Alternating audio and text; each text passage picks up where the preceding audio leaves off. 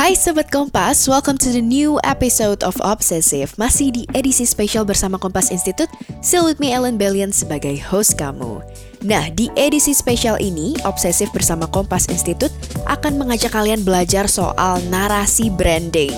Bersama Mbak Farhana Devi Atamimi yang merupakan Institute Director Hakuhodo Institute of Life and Living ASEAN dan sekaligus Executive Director Strategy Hakuhodo Network Indonesia. Nah, Mbak Devi ini juga merupakan sekaligus pembicara dalam kelas strategi membangun narasi sebuah brand yang diselenggarakan oleh Kompas Institute dan merupakan inisiatif terbaru Kompas yang bergerak di bidang pelatihan. Interested to know more about her and her expertise? Stay tune terus ya.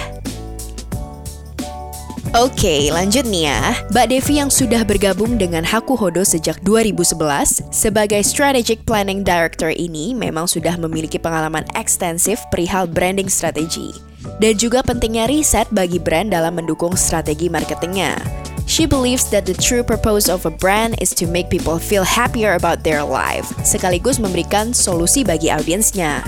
Mbak Devi ini juga sering menjadi juri untuk berbagai creative events dan festivals seperti Young Spikes Indonesia, Citra Pariwara, dan pembicara di AdFest 2016 dan 2017. Sobat Kompas pasti udah gak sabar lagi kan dengerin obrolan seru obsesif kali ini?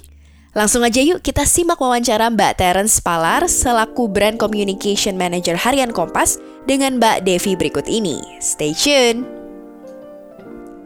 Halo Mbak Devi, selamat sore. Selamat sore Mbak Teren. Hai hai Sobat Kompas. Hari ini senang banget ketemuan dan bisa ngobrol banyak nih sama Mbak Devi nih. Um, tapi sebelumnya pasti pengen tahu dong. Uh, coba dong Mbak ceritain Mbak Devi atau Mimi ini siapa sih? Saya adalah uh, seorang wanita tentunya, Waduh. seorang ibu dengan dua anak yang udah cukup besar. Hmm. Kalau misalnya yang uh, ditanya adalah background profesinya, saya ini saat ini um, berkantor di dua entity yang berbeda. Wow. Tapi bergeraknya itu di industri kreatif. Asik. Yang pertama itu adalah saya seorang Executive Director of Strategy dari Hakuhodo Network Indonesia. Hmm. Hakuhodo Network Indonesia itu adalah sebuah grup uh, perusahaan yang bergerak di bidang industri periklanan. Okay. Jadi kita creative agency, ada digital agency, ada digital media agency. Jadi basically agencies lah, anak-anak iklan lah gitu ya. Agensi, agensi. Ya. agensi. Uh. Nah, Hakuhodo Network Indonesia ini di Jakarta ada kurang lebih, nggak kurang lebih, ada enam, enam perusahaan uh, dan aku in charge untuk um, overseeing the whole strategic planning team. Oke. Okay. Satu lagi um, kantorku ada di Bangkok, wow. yaitu Hakuhodo Institute of Life and Living ASEAN. Panjang ya namanya ya. HIL itu ya, Mbak? HIL, okay. singkatannya HIL ASEAN. Uh -huh. Jadi kalau HIL ASEAN ini adalah masih sama line bisnisnya sebenarnya kita bergerak di bidang creative industry. Uh -huh. Bedanya adalah fokus uh, service kita lebih kepada uh, human study, behavior study, uh, trend dan kenapa di Bangkok karena ini sebenarnya adalah regional office. Jadi um, aku in charge untuk bersama-sama teman-teman dari keenam negara ASEAN untuk uh-huh. itu tadi melakukan studi-studi terhadap ASEAN Society, terhadap the future of ASEAN Community. Jadi seru banget karena udah sih kerjaannya mengenai creative industry, ngomonginnya adalah mengenai uh, people, human behavior gitu kan. Terus uh, teman-temannya dari berbagai negara pula. Banyak ya. Uh, lumayan seru. Asik nih. Jadi uh, sobat Kompas, kurang lebih itulah gambarannya Mbak Devi. Nah, sekarang kita mau tahu lebih jauh nih Mbak. Kalau kita ngomongin uh, tentang brand gitu ya, pasti dalam menentukan narasinya nih Mbak ya. Mm -hmm. uh, tentunya kita perlu identify the problem mm-hmm. uh, dan yang pasti kita perlu marketing objektifnya. Mm-hmm. Nah, seorang Mbak Devi pasti bisa mengidentifikasi gimana nih kalau kita ada tips gak untuk uh, untuk hmm Setelah kita identify the problem, mm-hmm. terus kita buat marketing objektifnya. Oke, okay, jadi mungkin tadi sobat Kompas mm-hmm. kan awalnya aku cerita bahwa saya berasal dari kreatif industri gitu kan. Yes. Tapi terus kenapa ngurusinnya marketing sama brand gitu. Jadi mungkin banyak orang yang masih mikir kalau misalnya bikin iklan yang penting kita bikin iklan lucu-lucuan atau keren-kerenan aja gitu kan.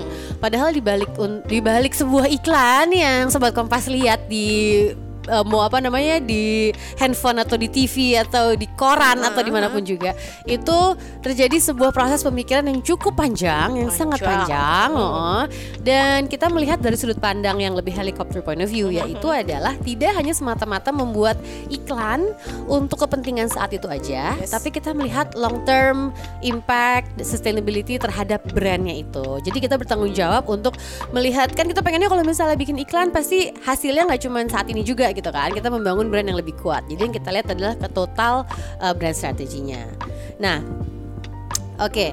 um, untuk bikin brand strategi tentu ada banyak sekali tahap-tahap gitu ya. ya biasanya orang kuliah 4 tahun kan. Ini kita coba berapa menit lah ya. gitu.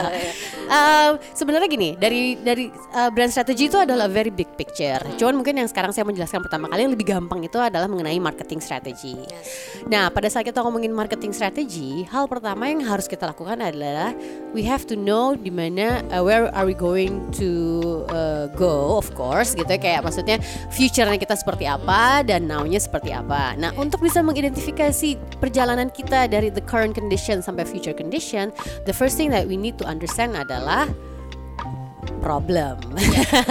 Jadi biasanya orang menghindari problem, di sini kita mau cari-cari masalah. Kenapa kita harus cari masalah? Karena tentunya kenapa kita masih berada di kondisi kita sekarang dan belum mencapai sebuah tuh kondisi ideal, itu masih ada banyak hal yang hinder us gitu kan, yang menghalangi kita, tantangan kita. Nah, itu kan semua adalah problem. Jadi kalau kita bisa mengidentifikasi itu apa problemnya, tentu sangat mudah bagi kita untuk membuat sebuah strategi untuk overcome that okay. gitu termasuk uh, meet the objective ya mbak. Nah ngomongin objektif juga kadang-kadang orang suka bilang kalau marketing objektif itu yang penting adalah pokoknya gue mau jualan gue laku hmm. gitu kan. Nah, untuk cuan -cuan bisa ya? uh, uh, cuan-cuan gitu. Nah, padahal untuk bikin jualan laku, kita harus tahu yang penting itu adalah siapa sih orang-orang yang mau kita sasar. Nah, kalau ngomongin dari point of view-nya marketing, ada tiga hal yang paling basic lah kalau kita bikin marketing objektif. Yang pertama itu adalah penetration, yang kedua itu adalah conversion, yang ketiga adalah frekuensi. Oke. Okay. Apa sih masing-masing itu? Pertama penetration dulu ya. Yep. Penetration itu adalah kalau objektif kita itu untuk menggait orang-orang yang belum masuk ke kategori produk kita. Okay. Contoh misalnya ya, um, di Indonesia itu misalnya peminum kopinya, eh, kita punya perusahaan kopi misalnya mm-hmm. gitu. Nah kita pengen bikin supaya lebih banyak lagi orang Indonesia yang tadinya nggak minum kopi jadi minum kopi. Yeah. Nah itu penetration. Sementara kalau conversion itu kita merubah uh, brand A ke brand B. Jadi misalnya saya ngerasa kompetitor saya itu market share jauh lebih besar, sehingga saya pengen semakin orang banyak pindah pilih brand kopi saya dibandingin brand kopi kompetitor. Nah itu adalah conversion. Switching ya mbak. Switching. Oke. Okay. Yang terakhir ketiga itu adalah frequency yang namanya juga frekuensi gitu ya. Jadi kita uh, mengharapkan orang untuk menggunakan produk kita jauh lebih banyak. Jadi misalnya biasanya minum kopi sehari sekali, kita persuade mereka untuk minum kopi sehari jadi dua kali atau tiga kali malah lebih bagus gitu kan. Nah, kenapa itu penting? Karena kalau misalnya tadi kita lihat ya, hal yang pertama adalah mengenai penetration. Berarti kan kita harus mengconvince orang-orang yang tadinya tidak minum kopi, misalnya cuma minum teh doang, untuk kenapa sih gue butuh minum kopi? Gitu kan?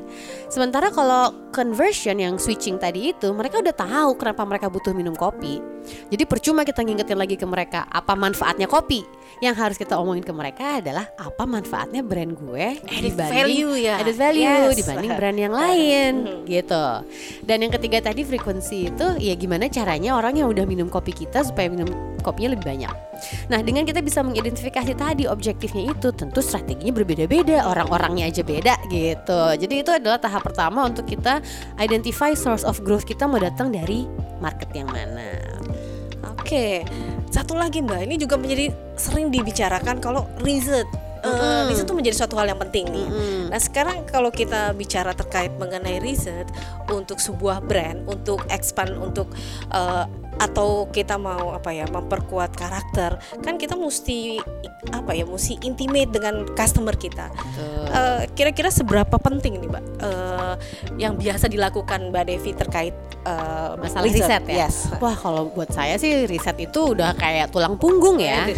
Kenapa? Karena kan semua yang kita lakukan strategi pemasaran strategi uh, iklan kampanye segala semua yang kita lakukan itu kita bikin untuk dikonsumsi sama orang, Yes. ya kan?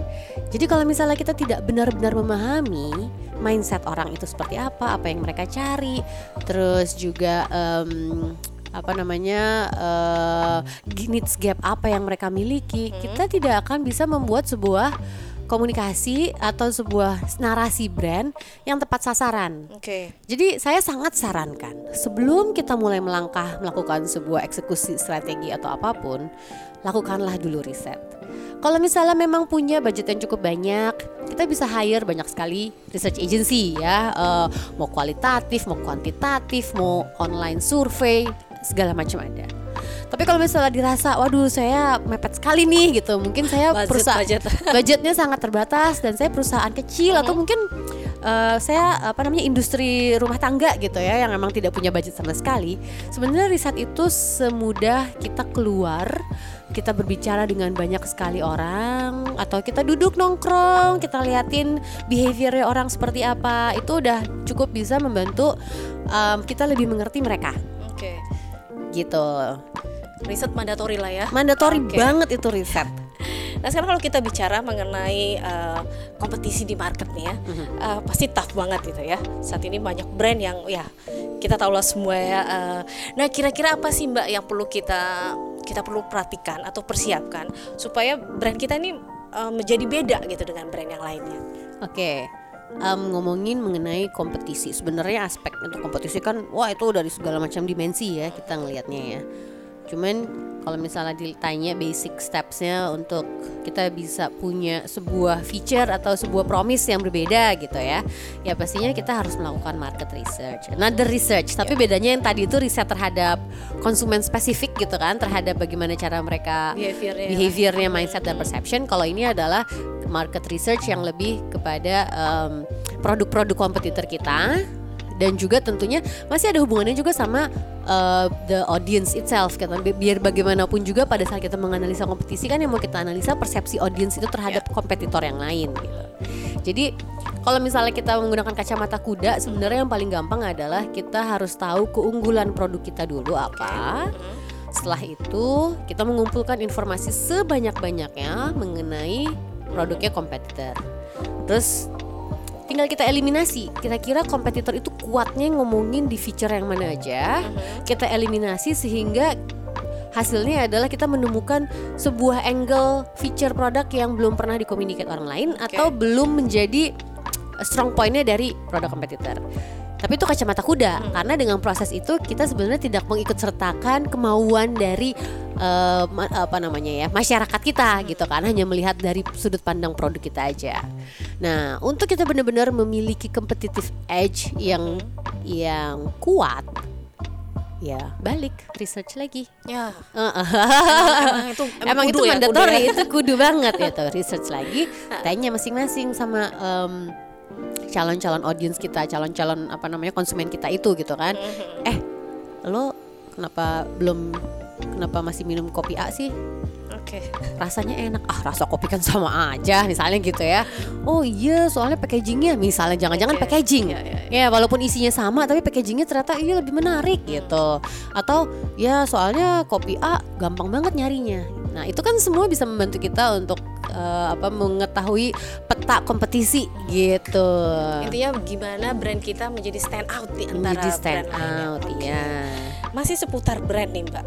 Pastinya dalam dalam membangun brand, pasti kita punya brand eh, brand mission eh, dengan dan eh, mungkin Mbak bisa bisa share ke kita apakah brand mission itu dan bagaimana kaitannya dengan brand purpose itu apa sih bedanya gitu. Nah ini sebenarnya percakapan yang sangat em, menarik ya banyak orang yang belakangan tuh ngomongin brand Ketuker-tuker, purpose gitu ketuker-tuker. dan ketukar-tukar Yes, ya ah. padahal kayak wah gue punya brand purpose nih padahal kalau tanya oh itu brand mission gitu Yes, kan. ah. gini tadi kembali ke bagaimana kita mau berkompetisi di market yang sangat saturated saat ini. Apa sih produk yang nggak ada gitu kan? Dan kategori apa sih yang produk pemainnya cuma sedikit gitu.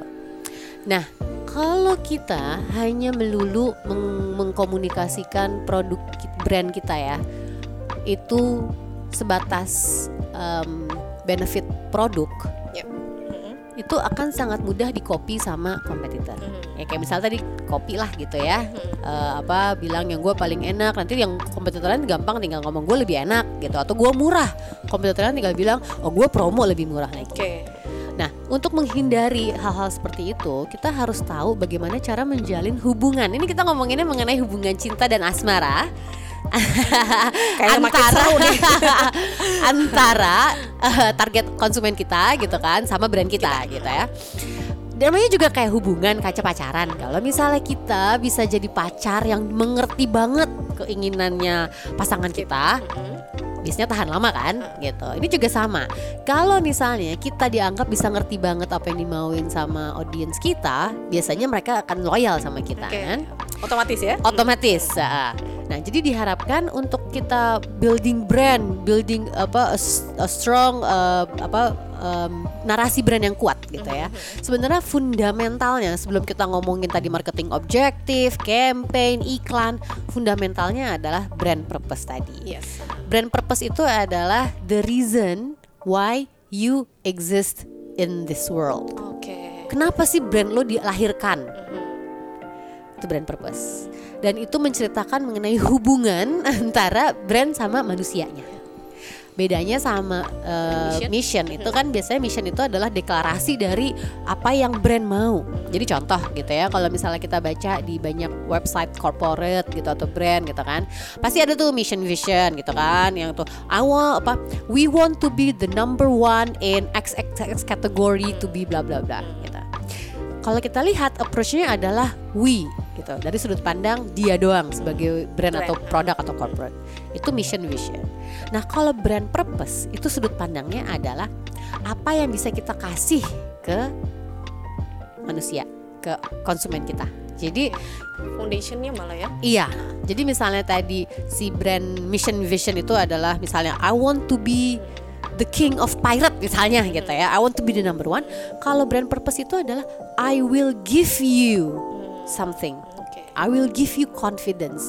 I will give you, I will bring happiness to you. Impactnya apa buat Ya, si audience itu gitu. Ada banyak brand besar gitu di luar sana yang memiliki brand purpose yang sangat kuat. Jadi mereka sustainnya cukup lama gitu ya.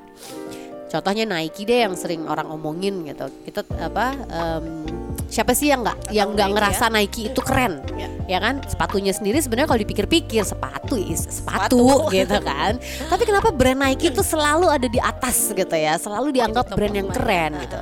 Karena dia punya brand purpose yang membedakan dia sama sepatu-sepatu lainnya Oke. brand purpose-nya dia itu adalah bring inspirations and innovations to every athlete. Hmm. Terus, oh atlet, tapi tunggu bilang tunggu dulu.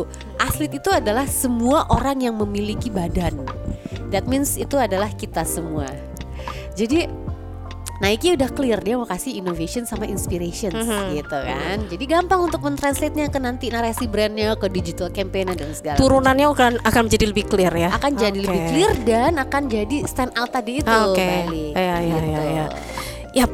Nah, em, sekarang tuh pasti kan kita harus juga pikirkan mengenai target audience kita gitu ya. Hmm. Untuk bicara mengenai target audience, ya ini kayak suatu isu yang sering banget kita bicarakan gitu ya. Eh, setiap brand itu pasti punya eh, target konsumennya masing-masing. Kita bisa lihat dari baik generasinya, usia, pekerjaan dan lain-lain ya. Eh, kalau bicara salah satu misalnya hmm, anggaplah menarget millennials gitu ya. Eh, di mana generasi 80-an, 90-an itu punya behavior yang tentunya berbeda. Nah, sekarang kalau kita bicara nih, Mbak, strategi marketing seperti apa nih supaya em, bisa me- apa ya, mengaburkan an- eh, generation gap dan tentunya memperkuat target marketing kita. Sebenarnya gini, kalau misalnya orang ngomongin kan sekarang em, part market yang terbesar itu kan adalah millennials ya kan. Yes, ah. Dan semua brand berlomba-lomba untuk menyasar millennials. Bonus demografi. Iya, betul. Nah kita uh, Hill Hakuhodo Institute of Life and Living ASEAN itu kita merasa bahwa ada sedikit unfairness pada Hmm. saat kita mengklasifikasikan millennials itu menjadi sebuah stereotype. Ya. Kenapa? Karena kalau misalnya kita lihat lagi, millennials itu kan artinya adalah mereka yang lahir di tahun 80-an sampai 90-an pertengahan lah ya. pertengahan ya. Gitu. Jadi ada kurang lebih rentang waktu 15 tahun itu gapnya. Hmm. Dan kita tahu dalam satu dekade aja perubahan culture dan mindset society itu berubah gitu. Jadi kalau misalnya kita menyamaratakan mereka yang lahir di tahun 80-an awal sama 90-an itu sama kayaknya nggak tepat. Oke. Makanya kami melakukan riset uh, study bukan riset Mhm. karena kalau riset doang tanpa study percuma jadi kita melakukan study dan uh, ber- me- berbicara dengan 10.000 millennials across ASEAN Mhm. untuk mengidentifikasi sebenarnya ada nggak sih perbedaan yang signifikan antara mereka yang lahir tahun 80-an dan 90-an Ya. dan ternyata ada jang Mhm. sangat besar gitu ya bahkan mereka bilangnya adalah we don't understand each other Mhm. gitu. apalagi kita ya yang Gua beda gitu jauh, ya. gitu. Jadi janganlah sama, janganlah apa namanya anggap mereka sama karena mereka berbeda.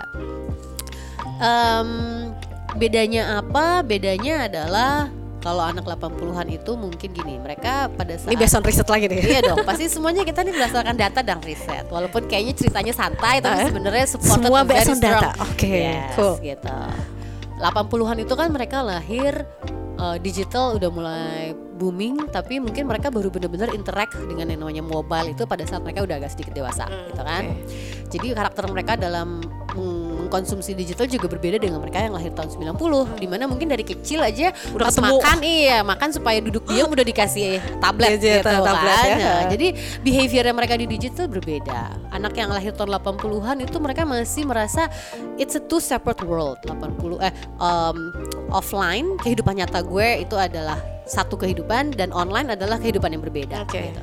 Sementara kalau mereka yang lahir tahun 90-an karena itu tadi dari kecil dari bayi mungkin mereka sudah mengkonsumsi digital sehingga buat mereka tidak ada bedanya. There's a blurred line between offline and online. So whatever happen in offline itu kayak mereka harus segera mem, mem- apa broadcastnya di online gitu Oke. kan. Sementara kalau Nggak pakai 80 edit-edit segala ya? pakai edit-edit. Oh, Oke. Sementara kalau 80-an kan masih dipilih gitu ya Mana yang paling oke? mana yang paling oke nggak semuanya diposting gitu jadi itu beda cara mereka shopping juga berbeda kalau 80-an masih seneng megang barangnya dulu sebelum beli di online sementara kalau 90-an udah nggak peduli sama barang fisik mereka langsung beli online Hajar. aja hajar gitu Oke. jadi sebenarnya kalau tanya mengaburkan justru jangan dikaburkan Oke.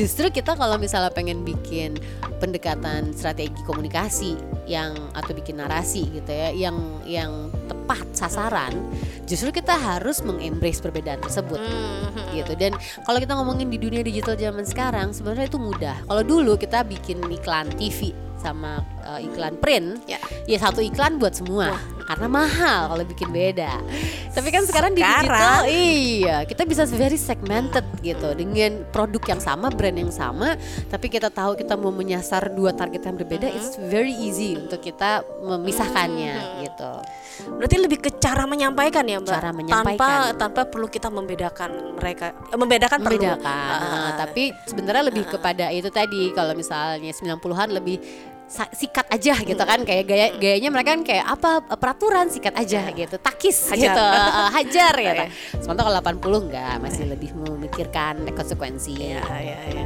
gitu Wah, makin menarik nih. Em, nah, kalau kita mau eh, mau menambahkan edit value nih, Mbak, eh, dari karakter brand kita. eh, kadang kan kita suka kejebak kita ngomongin fitur aja ya, Nah. feature-featurenya aja ya. Betul. Kita punya ini, kita tambah ini, tambah ini. Tapi Betul. eh, kalau dari Mbak Devi gimana? saya sangat sangat sangat sangat menyarankan untuk semua yang ada hubungannya dengan brand mau itu brand owner mau itu agency mau itu siapa pun gitu ya kita harus membiasakan diri kita untuk melihat dari bigger konteks jangan cuman melihat produk feature Yes. Kenapa? Produk feature works kalau di market cuman ada kita atau cuman ada dua kompetitor ya. Tapi sekarang di mana di market itu ada optionsnya luar biasa banyak. Yap. Kalau kita ngomongin produk feature kita nggak nggak asik lah, habis-habis ya. nggak keren gitu kan. Yang pertama nggak keren ya. Terus kedua juga eh, saya sebagai sebagai konsumen saja, saya sebagai pengguna gitu kan. Tentu pada saat kita memilih brand ada consideration lain yang jauh lebih emosional dibandingkan hanya sekedar feature gitu. Jadi kalau kita ngomongin added value itu em, tolong please Ini kayaknya untuk semuanya iya ya. bener karena semuanya. orang masih suka terjebak menggampangkan ya. Ya, ya, ya. Lihatlah dari kacamata si pengguna Hmm. instead of dari kacamata produk kita sendiri. Itu yang akan membuat kita bisa merumuskan vet, uh, apa uh, added value mm-hmm. yang tidak bisa dikopi oleh kompetitor yang lain. Oke, okay, nice banget ini tipsnya.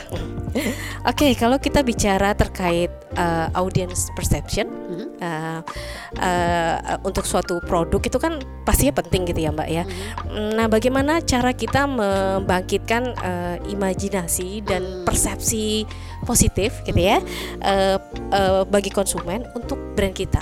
Nah, itu juga kadang-kadang ya kita nggak suka nggak ngeh bahwa persepsi kita terhadap banyak hal itu sebenarnya nggak um, pernah kepikiran aja gitu yeah. kan. nggak pernah kan ada yang nanya gimana sabun menurut lo? Gitu kan kayak nah nggak mungkin gitu kan. Jadi kita emang nggak pernah kepikiran. Yeah, yeah, yeah. jadi tentu harus banyak ada alat bantu untuk kita apa um, trying untuk uh, apa sih kayak memvisualize mm-hmm. a sleeping awareness gitu ya a sleeping perceptions.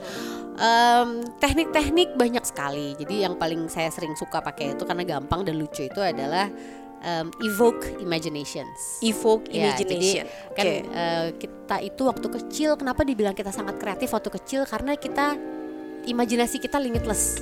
Ya kan anak lepas, kecil itu kan paling kreatif lepas, ya. ya kita nggak punya boundaries gitu yeah, kan kita yeah. berimajinasi. Nah semakin kita dewasa tuntutan orang tua sekolah segala macam itu kan waktu.